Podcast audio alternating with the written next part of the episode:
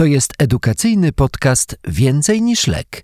Słuchaj i lecz świadomie. Dzień dobry. Pani Aniela, zgadza się? Tak. Zapraszam, proszę usiąść. Ja się nazywam Dawid Lynch i jestem lekarzem.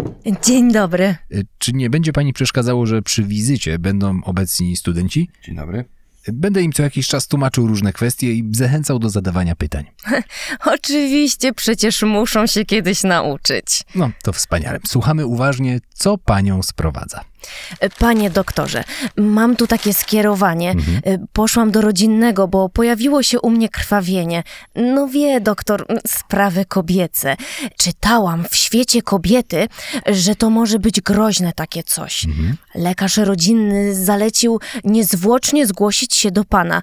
Panie doktorze, czy ja powinnam się martwić? Y, Tego jeszcze nie wiem. Musimy najpierw od pani zdobyć więcej informacji. Drodzy studenci, czy macie jakieś pomysły? Jakie pytania chcielibyśmy pani zadać? E, Proszę, śmiało.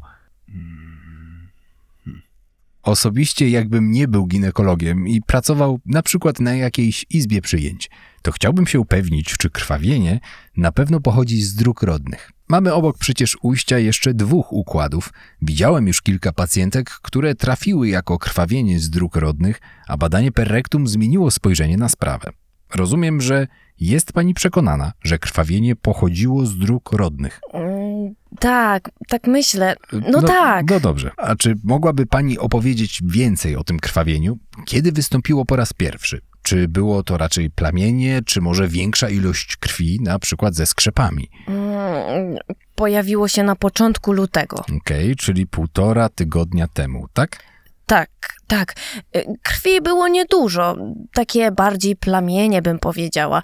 E, Potem to samo jeszcze się wydarzyło dwa razy po kilku dniach. Mhm. A przepraszam bardzo panią, e, ja mam pytanie. E, Proszę powiedzieć, czy miała pani jakiś uraz? E, Albo przy okazji krwawienia występowały jeszcze jakieś dolegliwości? Powiedzmy, coś panią bolało, albo miała pani gorączkę? Nie, nie, zupełnie. A może jakieś problemy przy oddawaniu moczu? Zmiana rytmu wypróżnień? O, super, że o to pytacie. Nie, nic z tych rzeczy, Y, tylko to krwawienie. Czyli ostatnia miesiączka trzy lata temu, w wieku 55 lat. Y, Dobrze mówię? Mhm. A pamięta pani może wiek pierwszej miesiączki? Hmm, hmm, jakieś 10 lat miałam. Raczej jako jedna z pierwszych w klasie. Rozumiem. Długo pani miesiączkowała. A pamięta pani cykle? Czy były regularne? Tak, jak w zegarku. Co 28-29 dni. Mhm. Jeszcze mam takie pytanie. Czy ma pani może dzieci? Mam adoptowane. Mimo starań nie udało mi się zajść w ciążę. Rozumiem. Proszę mi powiedzieć, czy na coś pani może choruje przewlekle i czy bierze pani jakieś leki na stałe? Nie, biorę tylko te tabletki na ciśnienie i cukier. O, tutaj mam zapisane. Bo wie pan doktor, kilogramów trochę za dużo. Jest tu ACI, diuretyk tiazydowy, metformina. Czyli rozumiem, że choruje pani na cukrzycę, nadciśnienie, no i otyłość. No tak, a, ale wyniki mam dobre, wszystko pod kontrolą. No i panie doktorze, mam jeszcze taki plaster zapisany z powodu wybuchów gorąca związanych z menopauzą. Cały czas ich jeszcze używam. No, tak właśnie widzę w systemie, że pani bierze dwuskładnikową hormonalną terapię zastępczą w formie transdermalnej. Okej, coś chcielibyśmy jeszcze wiedzieć? Macie do pani jeszcze jakieś pytania? Y, Czy przechodziła pani jakieś operacje? Proszę wziąć pod uwagę wszystkie momenty, gdy leżała pani w szpitalu. Może wycinano pani wyrostek, y, pęcherzyk żółciowy? Hmm. Nie, na pewno nie. A czy w pani rodzinie ktoś poważnie chorował? Na nowotwory, zawały, udary? Nie, aczkolwiek mama i brat zmarli na raka jelita. Ojej, przykro mi bardzo. Pani Anielo, za tą kotarą jest przebieralnia. Proszę przygotować się do badania ginekologicznego. Jak będzie pani gotowa, to tam jest fotel ginekologiczny. Czy dwoje studentów może zostać przy badaniu? Nie ma problemu. Jak mówiłam, muszą się uczyć.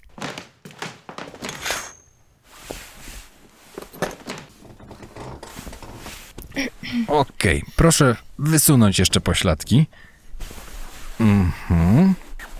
Teraz panią zbadam. Y, Podasz mi wdziernik i żel? Poczuje pani lekki dyskomfort? Mhm. Wydzielina rzeczywiście podbarwiona krwią. Y, Pani nie rodziła, więc ujście szyjki mamy punktowate. Okej. Y, Teraz badanie palpacyjne. Macica mała, przodozgięta, przydatki niebadalne. Dobrze, y, teraz wykonam jeszcze badanie USG głowicą dopochwową.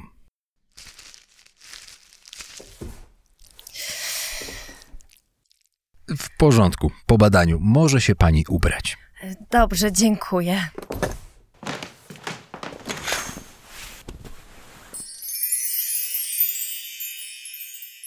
Drogi słuchaczu, zastanów się, jakie są najczęstsze, a jakie najgroźniejsze przyczyny krwawienia pomenopauzalnego.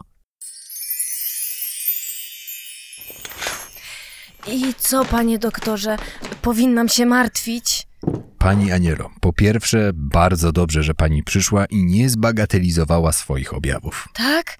To się cieszę. Każde krwawienie z dróg rodnych po menopauzie, czyli takie, które pojawiło się co najmniej rok po ostatnim krwawieniu miesięcznym, powinno być wyjaśnione. Każdy pojedynczy epizod i niewielka ilość krwi, nawet jeśli nie byłaby pani pewna, czy to właśnie była krew.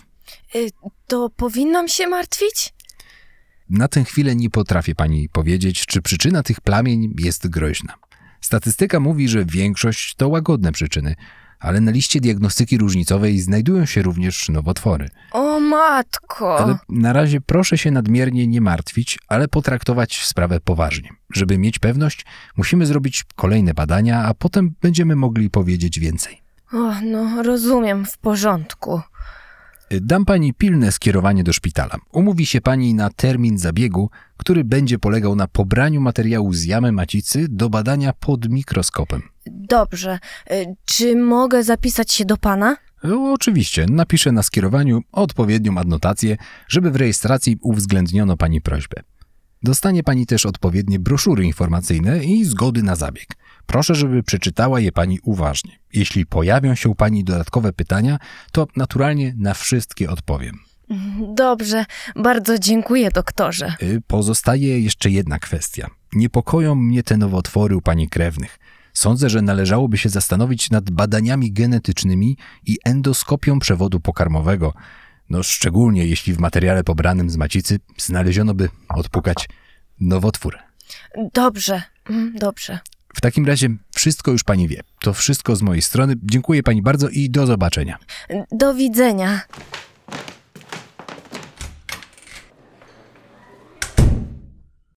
To słuchajcie, omówmy sobie temat. Y, Co wy na to? Krwawienie pomenopauzalne jest częstą przyczyną wizyt u ginekologa. W zależności od badań, nawet co dziesiąta kobieta doświadczy tego typu dolegliwości. Z kolei raka endometrium lub stan przedrakowy może mieć jedna na pięć spośród tych pacjentek. To sporo. Y, Zgadza się.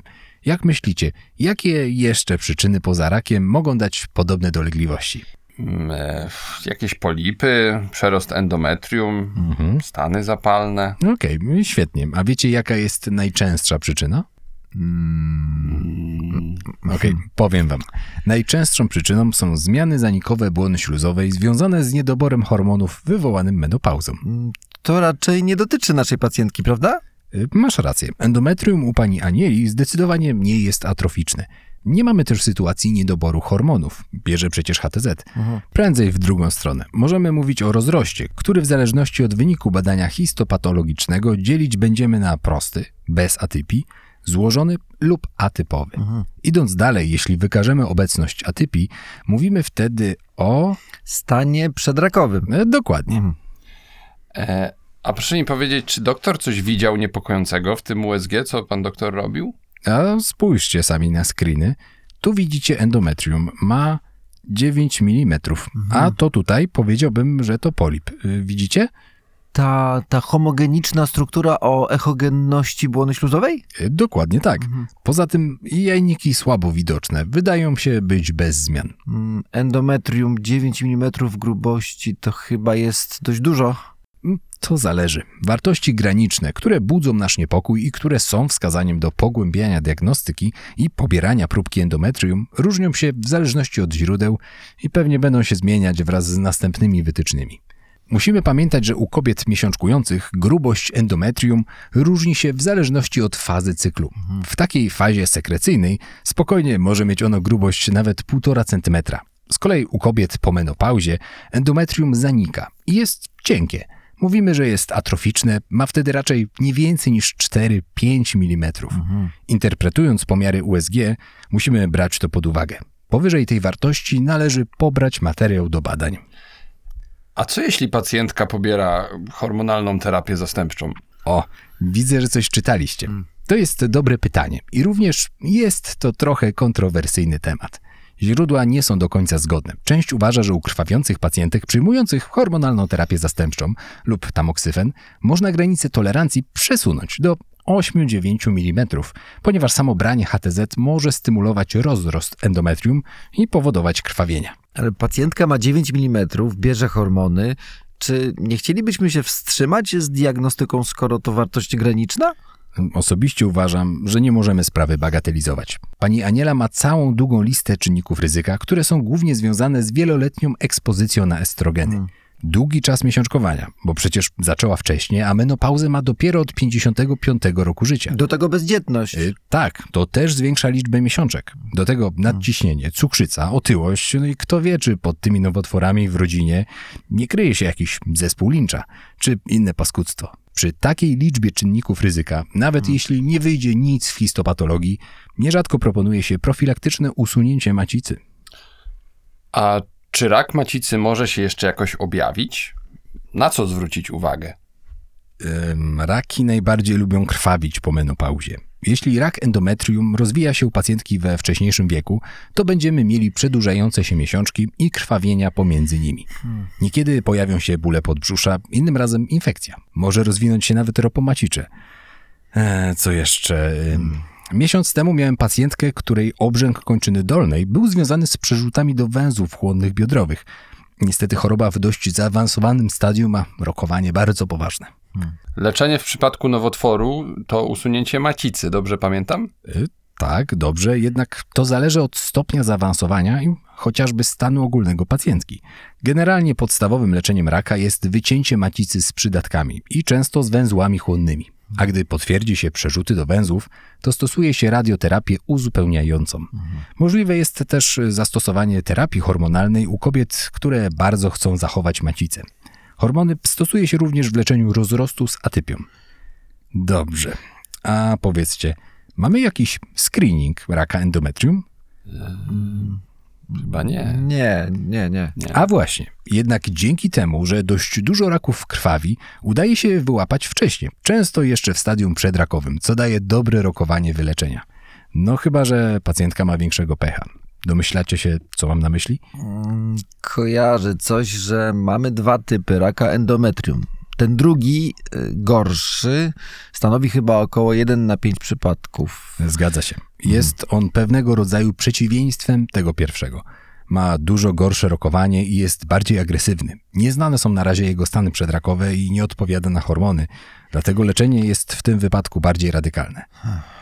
Ach, dobra, poproście kolejną pacjentkę.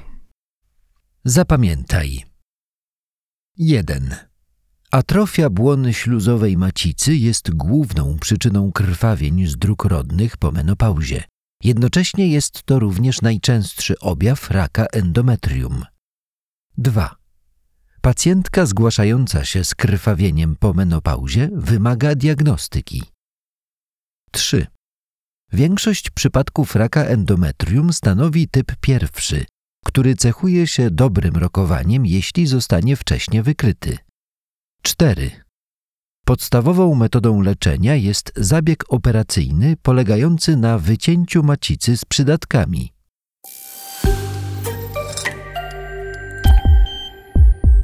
Więcej niż lek. Medyczny portal edukacyjny. Ucz się i lecz świadomie.